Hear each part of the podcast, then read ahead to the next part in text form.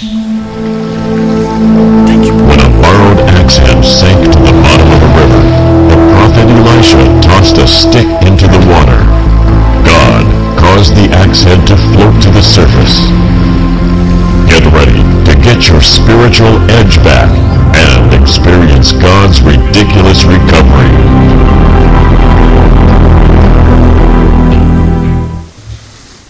Good morning. How is everybody? I like to hear that. I'm very thankful all of you that weathered the storm and came with us today. Um, as always, want to welcome all of our friends listening online. Today is uh, part four of our message series as we've been studying the life and miracles of the prophet Elisha. Today's message is called Getting Your Spiritual Edge Back. But before we dive in, I'm wondering how many of you guys are like me and you're often looking for things that you've lost, you put down, and you can't seem to find them. Anyone kind of suffer from that? Anyone with me? You know, it's there and you walk in, then it's gone.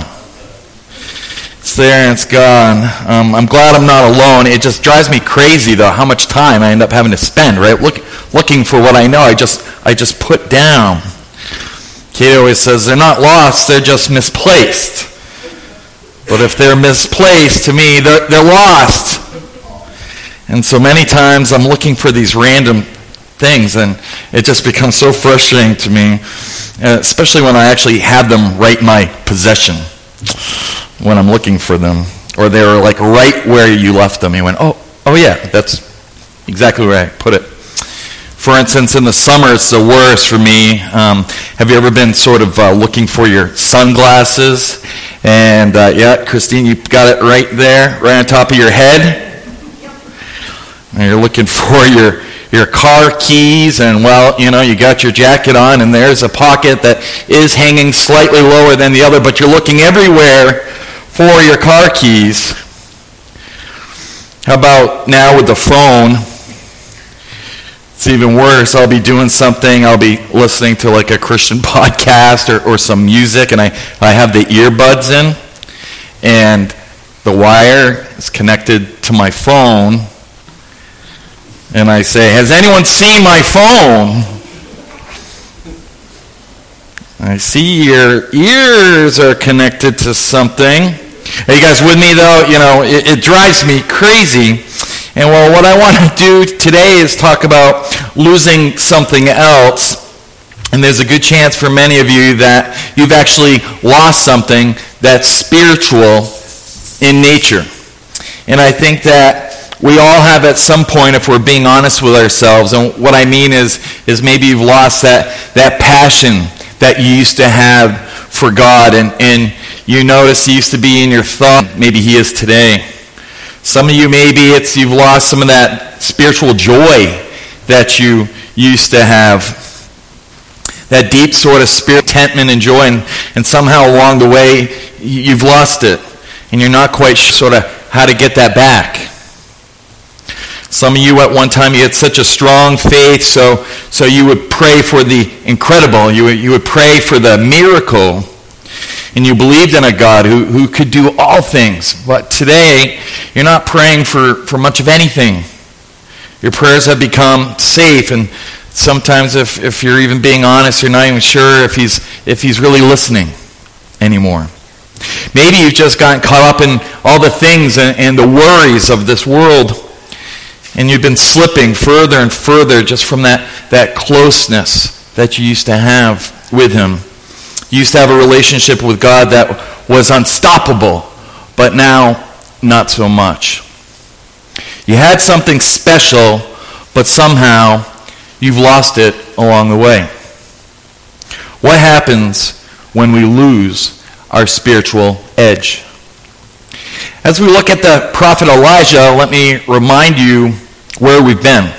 In week one, we talked about burning plows. In week two, we talked about digging ditches.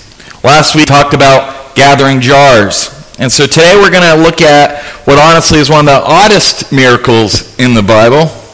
In fact, if you look through and survey the, the different miracles that the important, miracles. If you studied the Kings or done the Bible plan with us, you'll, you'll remember Elisha. He, he purified the poisoned body of water with the salt, which, which saved the whole community. He raised the boy from the dead. He provided for the widow last week who would have lost her two sons and after ha- having lost her husband. He healed Naaman, a, a commander of leprosy, after he dipped himself into the Jordan seven times. He blinded an entire army to move forward the, the things of God in, in a battle. He did all these significant life-saving miracles, but this one's a little bit different. But what we're going to see is Elisha, he had a, a tutorship program going. And, and one of the sons of the prophets, he, he borrows an axe. And he's, he's chopping down a tree because they're, they're building a, a bigger school. The, the, the school is growing. And, and while the student's chopping down the tree, the, the axe head flies off of the end of the handle and it flew into the Jordan River.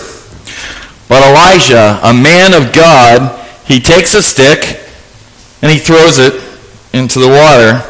And the axe head floats up from the bottom of the river. And we go, okay, wow. Um, what's the meaning of this? He made an axe head float, and we're like, that's cool and everything, but I don't really see the significance. So before we read the text today, I just want to share a couple thoughts that, that I had about some of the pieces of this story that, that might help us uh, learn better from it today and, and apply it to our lives. First off, one thing that you need to know is that iron was, was very valuable at this time and it was really hard to come by. And so this prophet who's studying, he's a younger guy, and, and he had lost the axe head. He was likely very poor. He's probably a lot like a modern day sort of college student. You know, he's living off the student loans, eating the Roman uh, noodles. it's not ro- ra- the ramen. My wife eats them. I, I don't. But you know, the college students do. And, and we're going to see in Scripture that, that he had borrowed the axe head, and so his reaction, it, it's a big deal, right? You know that he couldn't pay it back. He's what we would sort of call a non-profit prophet.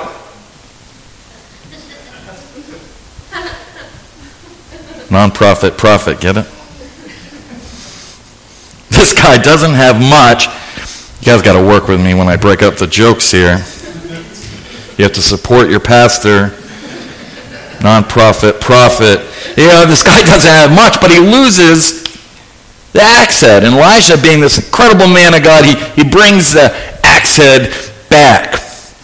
And I think the second thing we can kind of conclude from the story and, and why it's in the Bible is it shows us that, that our big God actually cares about us.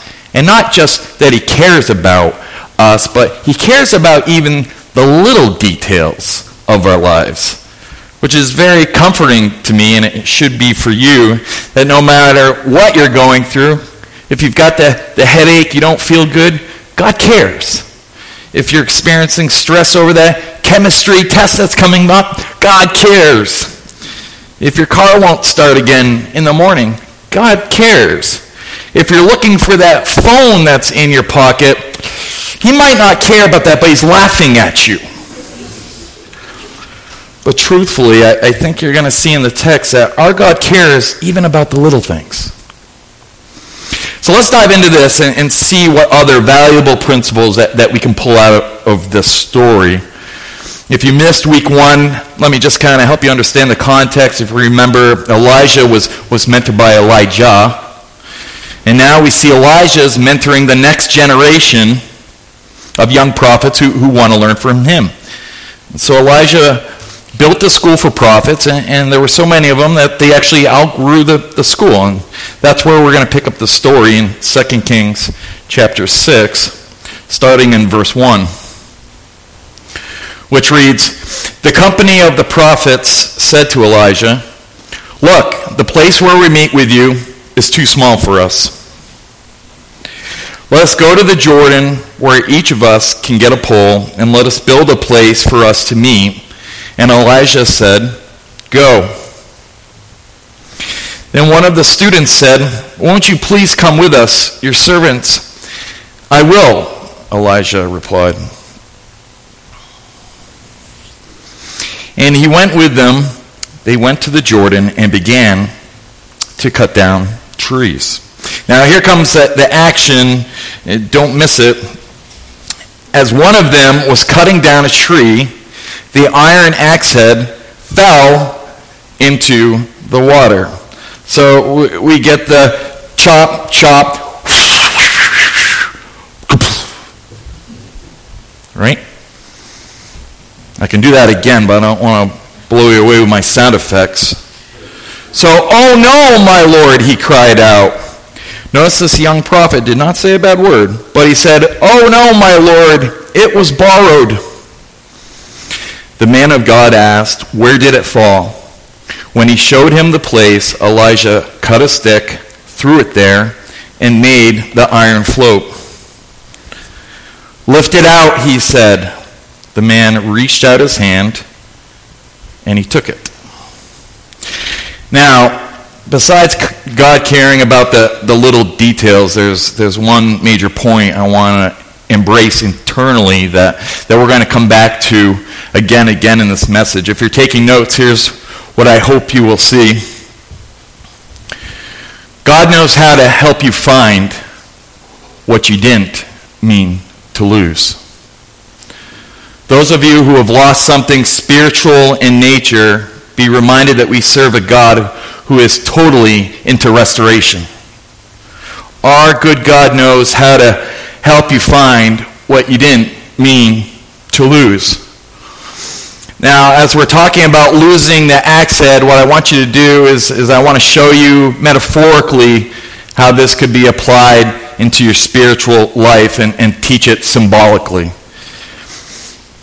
Look at your notes, if you will. The big question I want to ask you is this How have you lost your spiritual edge? And some of you might say, well, honestly, I haven't. And if that's you, I, I, celebrate with you and I thank God for you and continue to do what you've been doing that, that keeps that spiritual passion high. But it is my guess that for many of you who, who are followers of Christ, that you might honestly say there was another time in your life when you were more into the things of God than you are today. And so I would ask you to acknowledge specifically and honestly how have you lost your spiritual edge.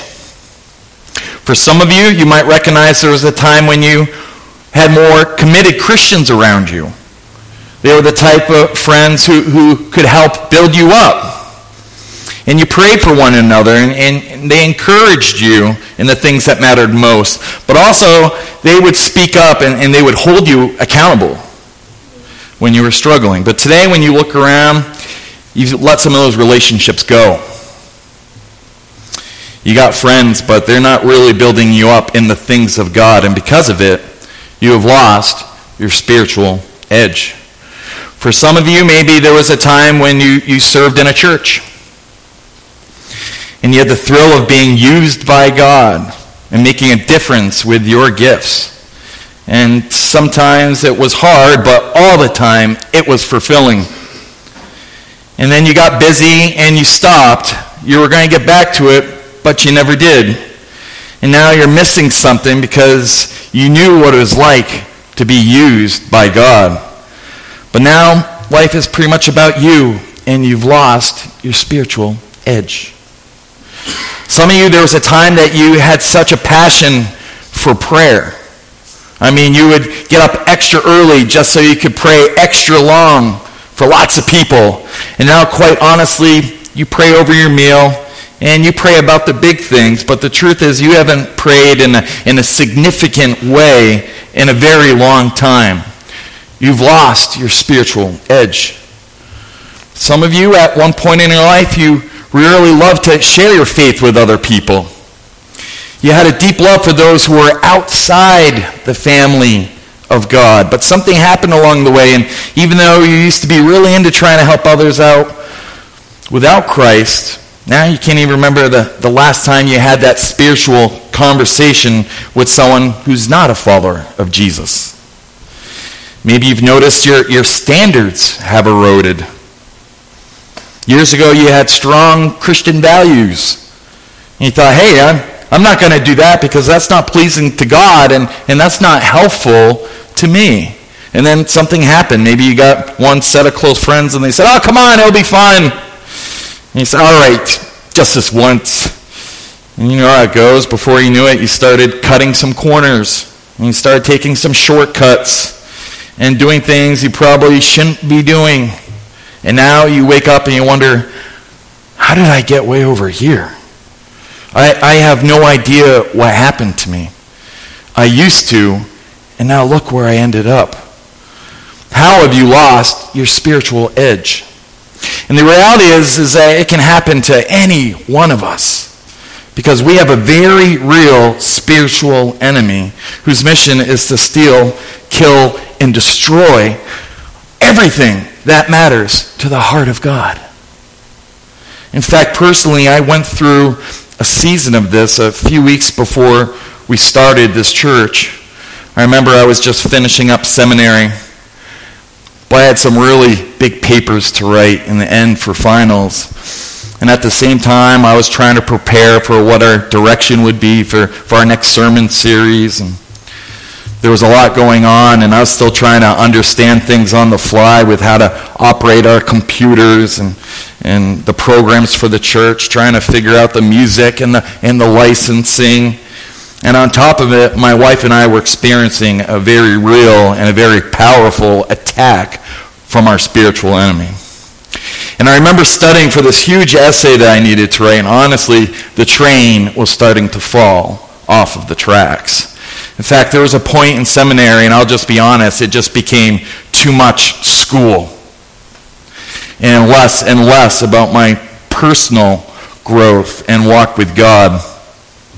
And we have to be on guard for this, that no matter what we do, we always keep God first and close to us. One of my mentors said this one time. He said, The way I was doing the work of God destroyed the work of God in me. And that's exactly what happened to me. I realized at one point I hadn't prayed personally all week long. I was praying publicly, but not privately, speaking to my Lord and Savior. I would study the Bible nonstop, but it was only so I could write a paper or prepare for the upcoming sermons. And you might say, well, what's wrong with that? But I had abandoned all of my personal devotion time with Him. And the weight I felt like I was carrying was the weight of the world all by myself. And I was. I was doing it all by myself. But in the middle of that season, our good God stepped in and showed me very, very clearly what had happened. I had become a full time student, a full time pastor, and a part time follower of Christ. And the reason why it's so quiet in here right now is because many of you can relate. You become a full time parent and a part time follower of Christ. You've become a full time business person and a part time follower of Christ. Or you've become a full time student and a part time follower of Christ. You didn't mean to lose your edge, but you did. You didn't mean to stop praying with your spouse, but you did. You didn't mean to fall back into that old pattern and become addicted again, but you did. You didn't mean to drift from the love and the intimacy that you used to have with God and wake up now depressed and empty and hollow on the inside, but you did. You didn't mean to end up pursuing the emptiness of this material world. But yet, if we were honest, you'd realize that's exactly what you did. You didn't mean to become a part time follower of Christ, but that's what happened. you lost your spiritual edge. What do you do when you're swinging away and the edge goes flying off? How do you get that edge back? I want to look back at this story with Elisha and the young prophet and apply this symbolically. Two lessons about how we get our edge back. And the first one, if you're taking notes, somehow that one blank. it's supposed to say, well, let's go here. We need to be honest about where we lost it. We need to be honest about where you lost your edge. Verse 6 of our story, the man of God, Elisha asks, Where did it fall? Where did it fall? And I'd ask you, where did you lose it? Where did you start to lose your spiritual edge?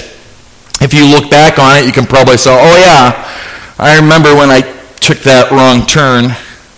You know, I made some friends that probably were the, the wrong friends.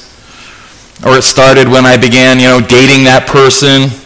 Maybe for you, you dropped a discipline. You, you used to pray and, and then you stopped. You used to be devoted to actually searching for God and His Word every day. And then you stopped You used to be a tither and then you got kind of behind on things and, and then you stopped. And you wonder why I lost the joy of worshiping God and trusting Him in that way.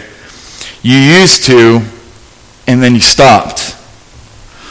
Used to be involved in a community, a, a, Bible study group where you, you shared with each other and, and you grew listening to other believers who, who also struggle with the, the same things that you do. But then life got in the way and, and you, you just stopped.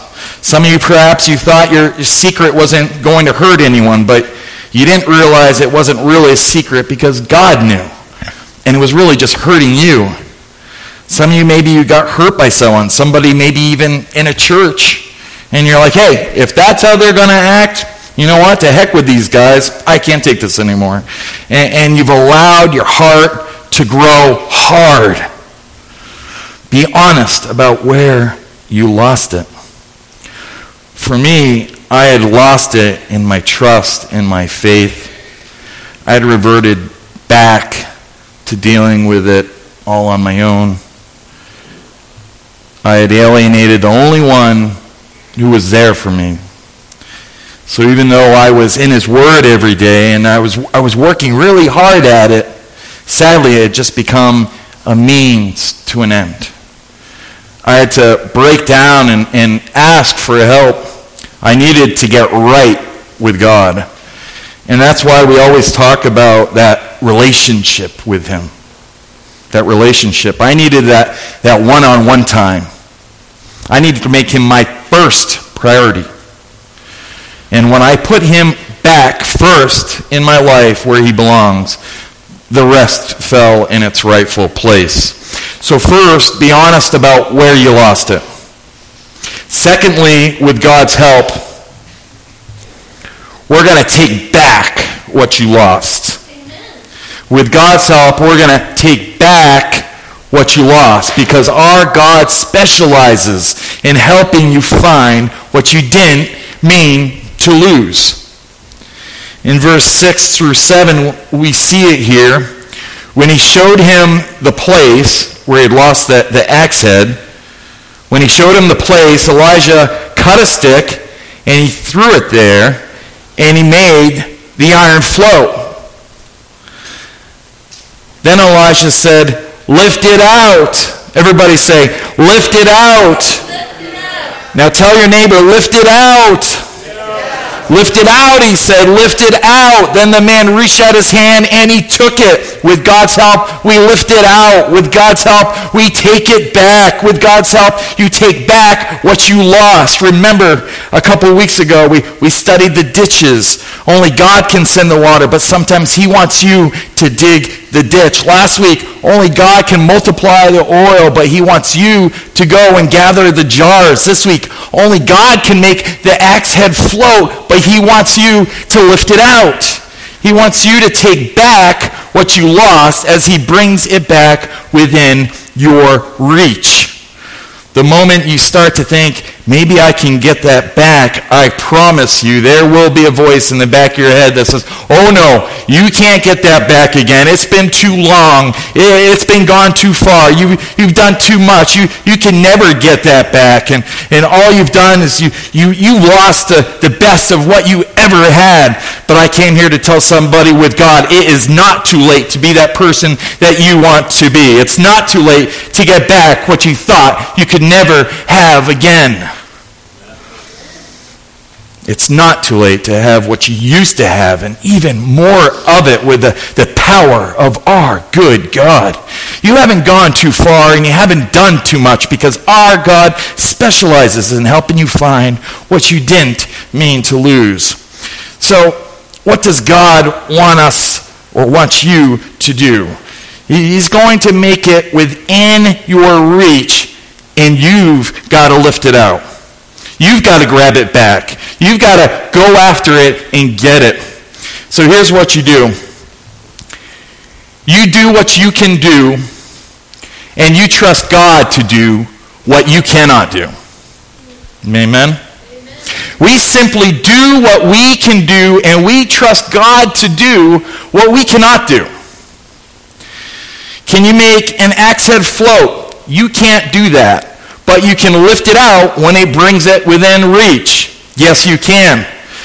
You can you create in your own spirit spiritual passion and faith. You can't do that, but we do know that faith comes by hearing and hearing from the word of God. So you can put yourself in a place where you hear God's word and so God can build your faith you know that God hears and answers our prayers. Jesus said, If you will abide in me and my words abide in you, ask whatever you wish and it will be done for you.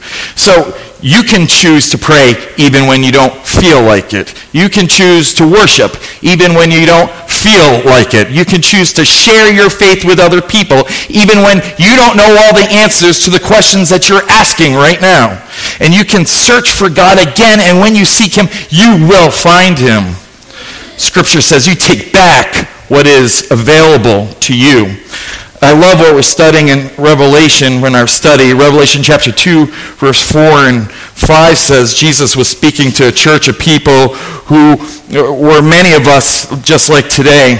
And he said, You have forsaken the love you had at first. Then Jesus said, Consider how far you have fallen.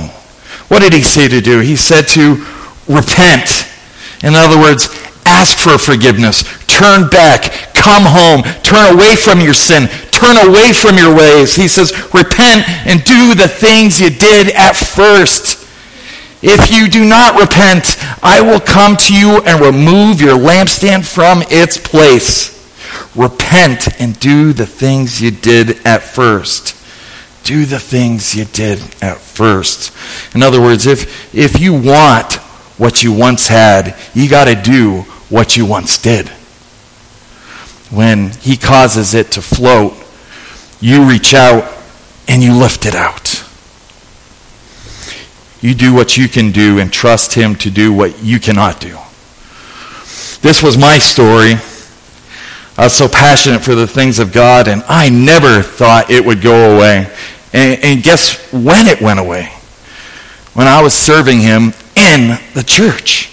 When suddenly I reverted to my old ways and I forgot about my first love. Externally, everything looked good.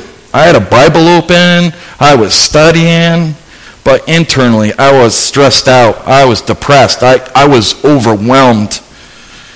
I was missing that personal time with Him. I wasn't personally growing spiritually and it left my tank on empty there for a bit.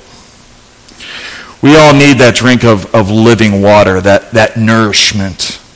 So what did I do after after recognizing it? I went back to do what I did at first. I recommitted to him. I put him first in my life. That brought the passion back. That awoke my spirit up. That, that brought the joy. And let me tell you what God did. When I reached out, He brought the edge back within grabbing distance. And I bent down and I grabbed it back. And now, when I preach, I preach on the overflow of the passion of the kingdom of God to bring Him the glory, to reach people who need to know Him, to help people who are also hurting. Because God specializes in helping us get back what we didn't mean to lose. You do what you can do and trust God to do what you cannot do. Our God is a God of restoration. The Bible says that he will restore the years that the locust hath eaten. And when the enemy steals something, he shall pay it back sevenfold. Some of you feel like you've been robbed by your enemy. And guess what? You're paying it back with interest seven times over, tell them. You thought I was hot back then. I'm coming back seven times hotter because I serve a God that specializes in restoration and bringing back what you didn't mean to lose. Before we close out today, I want to share one last story of inspiration and then one last scripture. One of my favorite stories of restoration comes from a, a man who, who lives some distance from here. His name is Chris Beall. And if you have ever heard of Pastor Chris Beall teach before, you know his story. But, but Pastor Chris was, was hired as a, a lead pastor about 15 years ago. This is in a church out in the Midwest. And Chris and his wife Cindy were really the answer prayers for this church. Uh, and he was uh, very young and a very gifted speaker, and this church desperately needed a, a, steady pastor. They had a revolving door at the time of, of pastors. However, what the church didn't realize is, is when Pastor Chris was hired by this growing church, he came on with some significant uh, sexual problems. Um, and what no one knew at the time was Chris has was committing adultery on his wife. Needless to say, the church leaders were totally and completely devastated once Chris had, had told them and, and repented of, of his transgressions. The church, having been around for about 20 years' time, they had never experienced a, a moral failure uh, by one of their, their staff, uh, never mind a, a newly hired preacher. There was one dimly lit light through all that darkness. The, the good news and the good thing that they saw was that, that Chris was not just remorseful, but he was deeply repentant, and, and you could see this. However, the, there were tough decisions t- to be made. And the church decided that because he was in such a, a public role, it deemed a, a public explanation. And so the leaders and, Chris stood in front of their congregation and their church, and they told them what had happened, and, and Chris apologized um, to the church, and, and he stepped down. A few months later, the, the man who had hired Chris and one of the church founders, he preached a very powerful lesson on Elijah uh, healing Naaman. Uh, and he was the commander who was, who was sick of leprosy. I believe it was in chapter 5 of 2 Kings, uh, Naaman. And, and the leprosy has always been sort of this type of sin in the Bible. And, and he preached on the word restore. Uh, because when he was dipped in the river and he had come in and out seven times, his skin had become restored.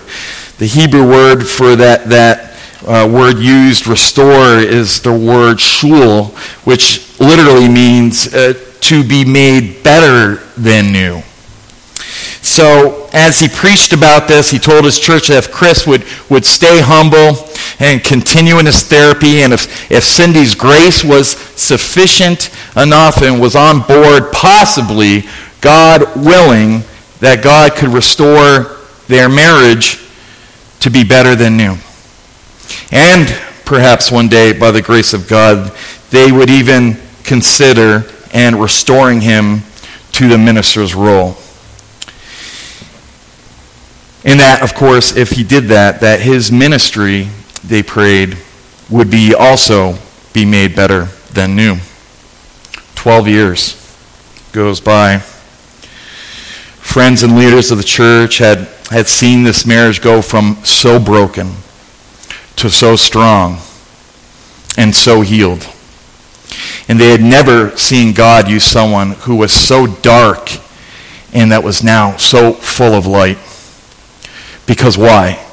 Because our God specializes in bringing back what we didn't mean to lose. What the enemy meant for evil, our God used for good. I don't know how you're hurting. I don't know how you've drifted. I don't know how far some of you have gone. But our God wants you to know that you haven't gone too far. You can be that person that you were meant to be because our God specializes in helping people find what they did not mean to lose.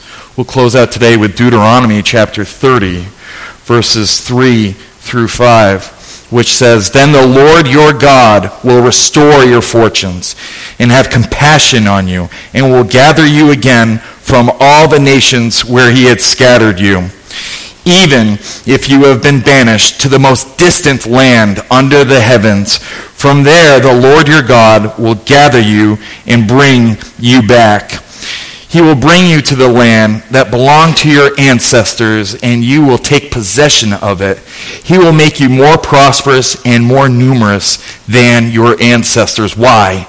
Because we serve a God who specializes in helping people what they find, what they did not mean to lose. That's how good our God is. Get back your spiritual edge, and may the Lord our God bless you.